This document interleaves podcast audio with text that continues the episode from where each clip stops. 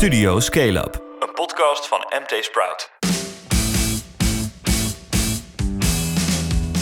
Dit is Studio Scale-up, de wekelijkse podcast van MT Sprout met alles over startups, scale-ups en de incidentele fuck-ups. Mijn naam is Philip Buters en mijn co-host is dit keer een nieuwe naam, collega Herwin Tolen. Dat klopt. Hoi Flip, het is mijn eh, eerste keer hier. Ja, nou leuk man. Jeetje. Hey, je bent onze nieuwe sterspeler hè, van MT Sprout. Begin dit jaar aangekocht.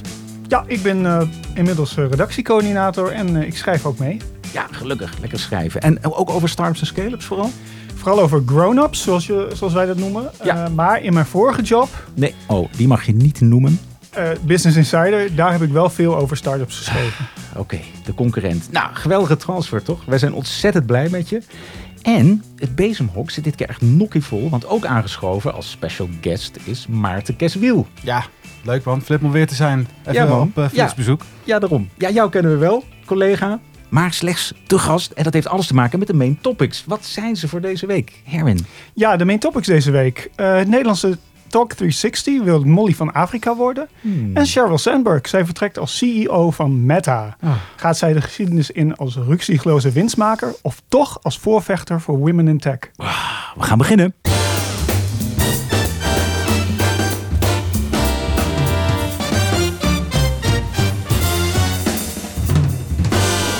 Maar eerst even ander nieuws over startups en scale-ups.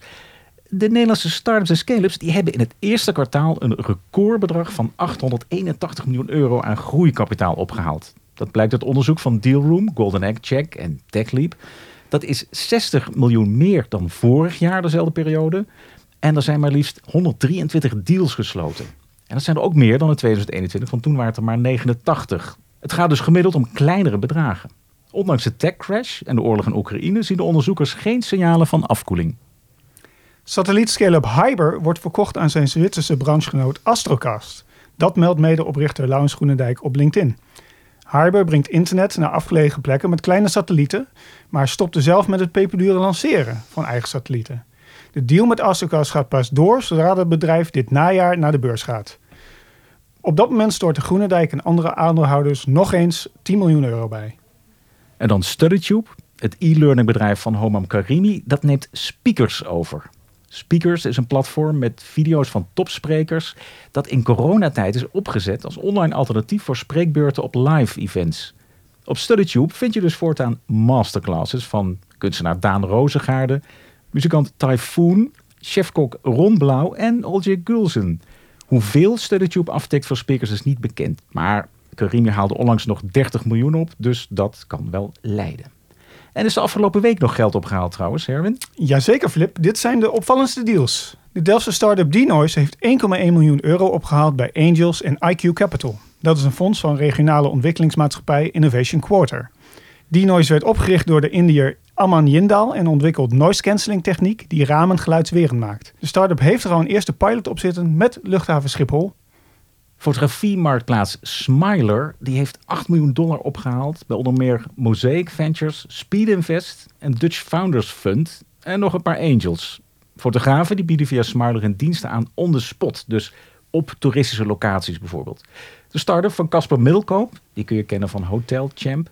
Martine Rood, die was ooit CEO bij zorgmarktplaats Solvo. En Rob Hulleman, die heeft al 9000 fotografen aangesloten en wil met de dollars groeien in Europa en de VS. Slide, de start-up waarmee Kai Beestra gordijnen slim maakt, haalt net geen miljoen euro op bij een club van 17 angels onder leiding van Boris Veldhuis van Zanten. En inderdaad, dat is de oprichter van de Next Web.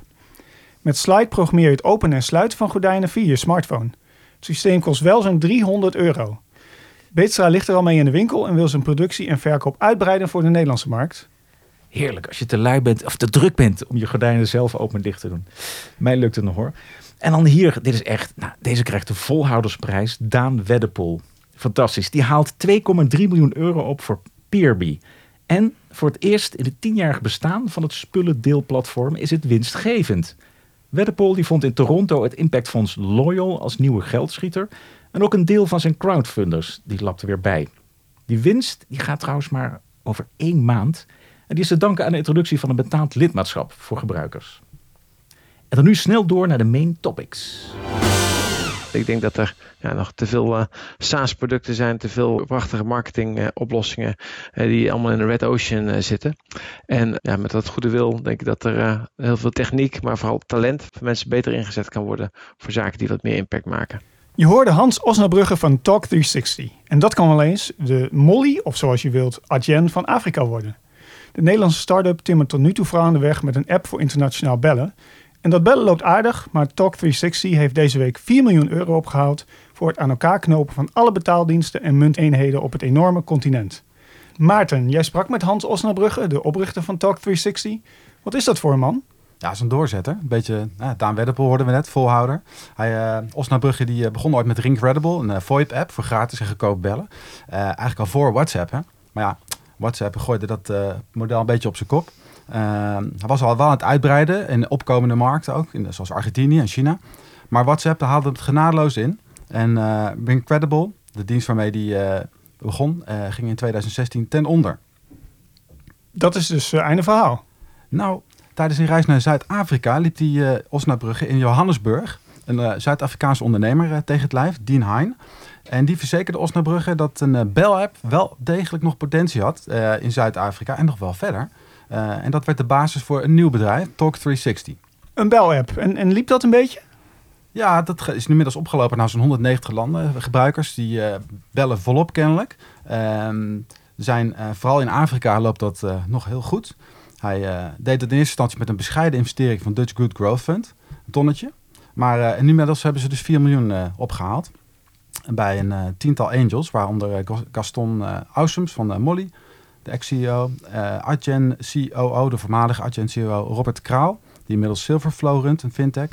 En aan deze ronde doen ook twee capital fondsen mee, venture capital, uit Zuid-Afrika. 4DI Capital en Havaik.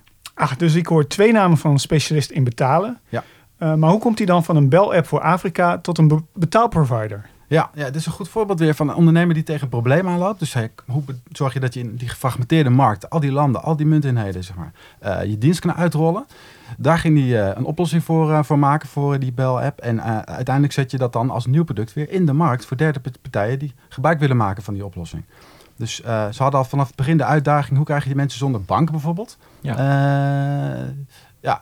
toch uh, op je dienst. En wat, dat, wat, dat is eigenlijk wat, wat ja. microcredit, uh, microfinance ook doet, toch? Je hebt die ja. underbanked, mensen die dus ja, niet eens ergens aan ingeschreven, zeker niet bij een bank of verzekeraar. En die moeten dan ergens cash, ergens prepaid of zo, moeten ze zorgen dat ze die... Ja, heel veel cash nog. Die app van hem, dus die bel-app, daar betalen ze wel voor. Ja. En dan in een of ander ruraal kantoortje leggen ze wat dollars neer en dan ja, ja, ja. dus uh, je gaat naar zo'n kantoortje. Dan zit dan een ambassador, zoals ze het noemen. Iemand die uh, namens Talks360 dat uh, goed kan verkopen. En zo word je erop gezet. En krijg je de unbanked erop. Maar krijg je ook de uncommunicated, zoals ze dat noemen, ook erop. Dus mensen die geen communicatiediensten nog hebben. En dat hele ehm, netwerk van, van al die betaalmogelijkheden en al die kantoortjes, dat knoopt u nu aan elkaar. En dat, dat opent die in feite voor, voor derden eigenlijk. Ja, daar, oh, die soort infrastructuur, combinatie van digitaal, maar ook fysiek dus. lokaal ook in al die landen met al die verschillende manieren van betalen. Uh, en PSP's, die, die payment services daar, die, uh, die heeft hij allemaal. Het zijn er in totaal geloof ik 165 betaalmethodes. Ja, dat ga je dus als enkele aanbieder ga je dat niet zomaar optuigen. En dat is dan eigenlijk zo kun je het vergelijken met Molly, die dus ook al die dingen aan elkaar knoopt. Eet jij natuurlijk ook voor, voor de echte corporates, ja. de grote de middenbedrijven, middelgrote bedrijven. En um, ja, dat klinkt wel goed. Ja. Maar, maar, dan, dan, dan, de hamvraag. Ja. Maakt hij een kans tegen al die grote betaalproviders? Ja, hij, hij, noemde die namen stiekem ook wel. Uh, die zijn er toch al, denk je dan. Uh, die, die Stripes en de Adjens bijvoorbeeld. Maar ja, daar kom je niet zo heel ver mee, zegt hij in Afrika. Het is toch te gefragmenteerd. veel aanbieders laten Afrika dan ook links liggen. Of beperken zich tot een paar landen waar, het, goed, waar ze zich op concentreren. Zoals Nigeria of Zuid-Afrika. Maar goed, via Talk360 krijg je dus als klant een eh, één checkout omgeving, zeggen ze, voor al die landen. Met prijzen die worden omgerekend naar de lokale munteenheden. En krijg je toegang tot een, uh, tot een enorme markt. Uh, met goede conversie, zegt hij. Nou, we zullen zien hoeveel dat dan gaat opleveren uh, aan omzet. Ehm, ja. Dus. En als WhatsApp nou Afrika bereikt, kan hij dan weer inpakken? Ja, ja uiteindelijk zal ook mobiel internet daar wel gemeengoed worden. Ehm, maar dan hebben we dus de, betaaldienst als, eh, als volgende stap. Eh, en dat verdienmodel staat nog niet helemaal vast, maar het lijkt een soort SaaS-model eh, te gaan worden. Waarbij je op basis van volumes of, of een maandbedrag beta- betaalt om toegang te krijgen tot, tot die markten. En als het al goed zou gaan, de meest ambitieuze targets, dan zullen we, zegt hij, zo'n 100 miljoen euro omzet kunnen gaan doen binnen drie jaar. En, en wat ik ook tof vind, eh Talk 360 heeft ook echt sociale impact. Hè? Ja, vindt hij heel belangrijk. Dat maakt hem ook een hele eh, gedreven ondernemer. Soms eh, bijna te ambitieus. Dan zegt hij, we gaan 10.000 mensen aan het werk helpen daar. Dat werden later 2000. Nu hopen ze op 1000. Nou, goed, sowieso serieuze impact als je het over zoveel mensen hebt. Ehm, en ik vroeg hem ook, eh, hoe kun je dat als bestaande ondernemer impact maken? Met Top 60 hebben we het vaak over de purpose-driven journey die we hebben en dat we graag impact willen maken. Uh, dat, is natuurlijk een mooi, uh, dat is natuurlijk een mooi verhaal. Wat, waarom doen we dat? Waarom willen we heel graag andere partijen daarmee mee inspireren? wij denken dat het vaak veel dichterbij ligt dan, dan je denkt. Als je kijkt naar bestaande producten die je al aan het uitrollen bent, of waar je al wel of niet succesvol mee bent, dat je met wat tweaks en goed nadenken over je audience, de echte behoefte in, uh, in de markt. En ook voor de groepen die het iets minder goed hebben dan misschien al je standaard audience. die vrij snel een impact kunt, kunt maken. in ons geval is dat dat we in Afrika heel veel banen creëren. En niet alleen gewoon de banen, maar ook micro-entrepreneurs. Door een heel ambassadeursprogramma te maken. Dat is geweldig voor deze mensen. Uh, die krijgen een mooie, uh, mooie opportunity. Uh, en voor ons is het goed omdat wij gebruik maken van de unieke distributie en lokale kennis die zij, die zij hebben. zo simpel kan het soms zijn. Door naar het volgende topic. You know, I really believe that a world where women were running half our countries and companies and men were running half our homes would be a safer and much more prosperous world. Arme Mark Zuckerberg. Hij ziet na 14 jaar zijn rechterhand vertrekken. Sheryl Sandberg, de COO van Facebook. En tegenwoordig dus ook Meta Platforms, die stapt op. Zij maakte van Facebook een ongelofelijke geldmachine. Maar op één punt stelde ze wel teleur. Ze bleek niet dat gezonde geweten dat Zuckerberg kon behoeden voor de vele uitglijders die Facebook ook onder haar regime maakte. Herwin, allereerst waarom vertrekt ze? Uh, het is tijd voor het volgende hoofdstuk. Dat schrijft ze zelf in, uh, in een bericht op Facebook. Ja. Uh, afgelopen weekend belde ze met Zuckerberg om haar besluit bekend te maken. Het is haar eigen besluit, hè? Het is niet dat ze er gewipt ze is. Ze is niet weggestuurd. Nee, nee, oké, okay, oké. Okay. Maar ja, wat ze precies gaat doen, dat weet ze ook nog niet, schrijft ze. Ze wil zich in ieder geval meer gaan bezighouden met, met liefdadigheidswerk en haar filantropische stichting. En ze gaat deze zomer trouwen met Tom Bernthal, een, een tv-producer. Ja, precies. Haar nieuwe, haar nieuwe man. Nou, nog niet een man, maar gewoon al. Hij heeft al heel lang verkeer mee. Genoeg te doen, genoeg te doen. Maar toch, het is, het is geen paleisrevolutie misschien. Maar, maar komt dit nou heel onverwacht? Ja, op zich wel. De, de koers van Meta daalde ook met 2,6% nadat het nieuws bekend werd. Oh. En, en dat is toch doorgaans een, een, signaal dat beleggers ook verrast zijn. Ja, houden we niet van verrassingen. Nee, maar uh, met de kennis van nu, dan, ja, als je terugkijkt op de afgelopen jaren, dan is het toch wel iets meer op de achtergrond uh, gekomen. Um, eigenlijk sinds de, sinds de transformatie van, uh, van Meta naar, ja. naar, naar een metaverse bedrijf, ja. trekt Zuckerberg het bedrijf steeds meer naar zich toe. En tijdens die presentatie ja, was uh, eigenlijk ook nauwelijks zichtbaar. Ze liet alleen even haar gezicht zien. Ja. Uh, ook waren steeds meer van haar taken al overgeheveld. Bijvoorbeeld de PR. Uh, daar, dat doet nu Nick Clegg, de voormalige vicepremier ja, van de UK. En half weer, Nederlands. Hè? Ja, ongelooflijk. Ja. Ja, en ook een belangrijk keerpunt lijken de schandalen van enkele jaren terug. Zoals de, de Russische inmenging rond de Amerikaanse verkiezingen. Ja. En het Cambridge Analytica-schandaal. Um, en het schijnt dat intern Facebook of Zuckerberg uh, Sandberg de schuld heeft gegeven van ja dat, hoe ze dat aanpakt of zo hoe ze dat, hoe ze, dat hoe ze daarop reageerde ja. te laat en, ja. en alle negatieve publiciteit die dat uh, opleverde. Dus er is toch een soort verwijdering ontstaan. Maar tegelijkertijd, dat zie je ook in die post die, die, die Zuckerberg dan zelf ook heeft uh, geplaatst woensdag. ze heeft wel heel veel betekend, toch, voor Facebook? Je hebt dat vanaf het begin eigenlijk gevolgd. Ja, absoluut. Nee, zij geldt als, uh, als zakelijk brein uh, achter Facebook. En ja, ook als het geweten van, van Zuckerberg. en zoals je in je int introductie al zei, ze heeft er echt een, een geldmachine van gemaakt. Ja, ze studeerde aan, aan Harvard, een bachelor in de economie en later een, een MBA. En in 2008 kwam ze over van Google en werd ze operationeel directeur van, van toen nog Facebook. Zuckerberg en Sandberg hebben elkaar eigenlijk toevallig ontmoet op een kerstborrel. Uh, en Zuckerberg was niet eens op zoek naar een rechterhand. Hij had helemaal geen vacature openstaan. Maar hij vond haar zo geschikt voor die rol dat hij haar uh, aannam. En hij was piepjong, toch? 2007, 2008. 23 was hij toen en zij was 38. Wauw, ja. Dus iets meer levenservaring. En iets meer ervaring bij Google ook. Met, met de advertentiebusiness heeft ze daar opgezet hè, voor Google. Dat was het. Zuckerberg is echt eh, ja, technologie gedreven, nog altijd. Eh, en, eh, en Sandberg had echt eh, verstand van de business. Eh, En toen- wat, trof ze aan, zou ik zeggen? Het was Nou- nog steeds een, een uit zijn gegroeide start-up, toch? Toen. Zeker, ja. Toen, het jaar dat zij begon, eh 2008, toen maakte het bedrijf 56 miljoen dollar verlies.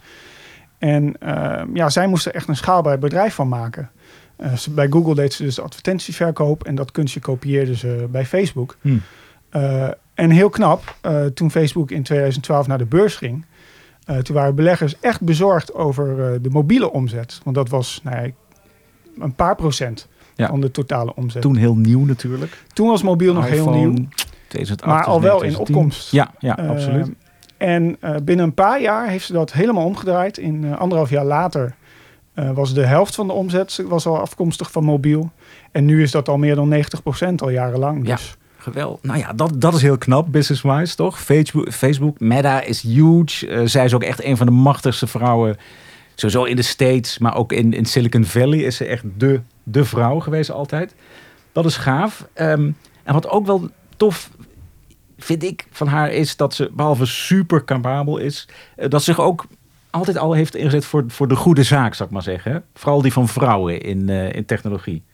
ja, zeker. Ehm, bij Google al. En daarvoor werkte ze bij... eh, Ja, daarvoor zat ze bij Clinton. Ze is gewoon, ze is gewoon eh, chief of staff geweest van, eh, van Financiën. hè? ja, van de minister van. Financiën, 1996, eh, Larry Summers. Dus toen diende ze de publieke zaak, zeg maar. Voordat ze weer naar, naar de dark side overging. Ja, het is maar hoe je het ziet. Ja, maar het, het bekendst is ze geworden door haar boek Lean In uit 2013. Eh, ja, het is echt een bestseller geworden met meer Ja. dan 4 miljoen verkochte exemplaren. En ja, zij werd toen echt een icoon eigenlijk. Dat was een soort feministisch eh, manifest, geloof ik. Wat de complete titel is Lean In. Women Work and the Will to Lead. Wat, kun jij even zeggen, wat, wat is haar belangrijkste stelling eigenlijk? Wat, wat heeft ze met dat boek willen, in gang willen zetten? Nou, het- boek gaat over de positie van vrouwen in, eh, in de techwereld, maar ook in het bedrijfsleven in het algemeen. De insteek van het boek is niet alleen dat vrouwen te weinig kansen krijgen, maar dat ze ook zelf door eh, ja, hun eigen gedrag eh, zich te bescheiden opstellen en op die manier te weinig kansen krijgen. Ja, precies. Ze moeten er echt meer doen, en er meer zelf aan bijdragen om, om te zorgen dat, dat ze uit die achtergestelde positie komen. Vrouwen, kom op, zei ze Als groep. Ja, precies. Ik kan me wel nog herinneren, de kritiek was destijds van ja, kun je makkelijk zeggen, met een topsalaris, met een nanny, met twee Harvard-diploma's. Ze, ze heeft al veel mee. Maar goed, Absoluut, absoluut. Ja. Maar het boek werd een bestseller en eh, zij organiseerde ook bijeenkomsten waar Ja. in totaal ja, tienduizenden vrouwen op af- afkwamen. Precies, en ze- als ze nu ontslag neemt bij, bij Meta, dan kan ze nog steeds heel veel tijd steken in die Lean In Foundation. Er is een complete stichting, eh, daar gaan de inkomsten van het boek naar, zag ik. Ehm, en die organiseert ook allerlei seminars en nou ja, steunt vrouwen die inderdaad verderop willen komen in het leven. En daar gewoon de volle kracht achter zetten. Bravo. Ja, een ander interessant boek van haar is natuurlijk ook dat, ehm, hoe heet het? Dat, dat boek dat ze schreef toen haar, ja, haar echtgenoot Dave Goldberg, die is op een gegeven moment heel Option plots B. kwam- ja, option B, over omgaan met rouw. Dus dat geeft ook weer een beetje een heel menselijk kantje aan zo'n aan zo'n eh, zo'n top, eh, topvrouw. Zo werd ze lange tijd ook gezien. Want ja, Silicon Valley, we hebben toch allemaal een beetje het idee dat Ja, zijn eh, testosteron, eikels en tech-nerds. gedrag. Ja, en zij gaf een soort, absoluut. soort menselijke, menselijk gezicht. Maar dat, dat imago, dat heeft nog wel wat deuken gehad. Want daar gaat het om, hè? die twee kanten van... oké, ze, ze, ze strijdt voor de goede zaak. Ze heeft zachte kanten. Maar ehm, dat werd een beetje ingehaald door, door die schandalen bij Facebook. Ja, de, het Cambridge Analytica-schandaal in 2018 en eh, ja, twee jaar daarvoor de Russische inmenging bij de verkiezingen. Het probleem is eigenlijk dat Sandberg heeft van Facebook een groeimachine gemaakt. Ja. En de focus was, lag daar ook echt op. Groei, groei, groei. Ehm, en de focus lag dus niet op eh, privacy en, en eh, ja, En, en het, het, eh, het tegengaan van controverse of zo, toch? Want dat, dat die inmenging, dat zijn dus allemaal posts geweest die echt sturen op, ja, op controverse, op, op misschien haatzaaien zelfs.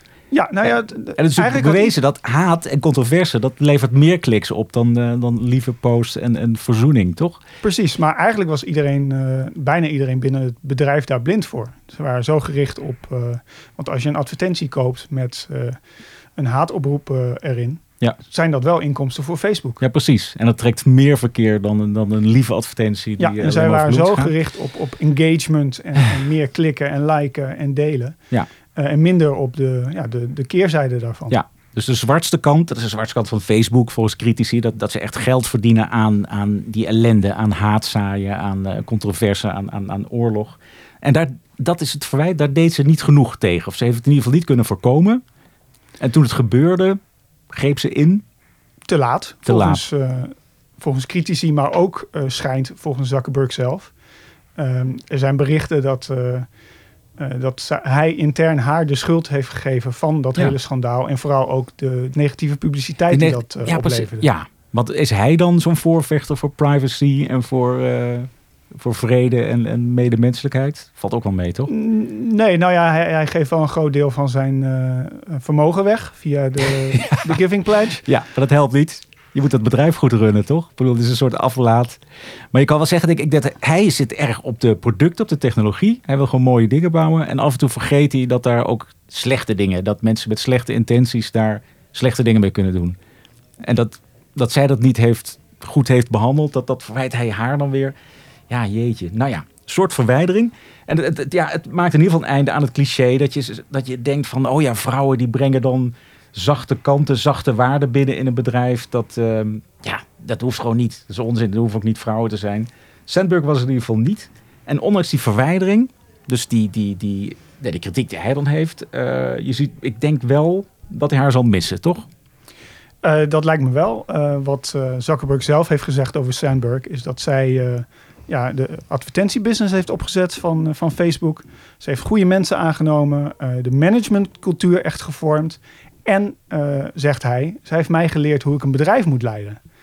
Eh, grappig is dat, eh, dat hij nu zelf 38 is. Yo.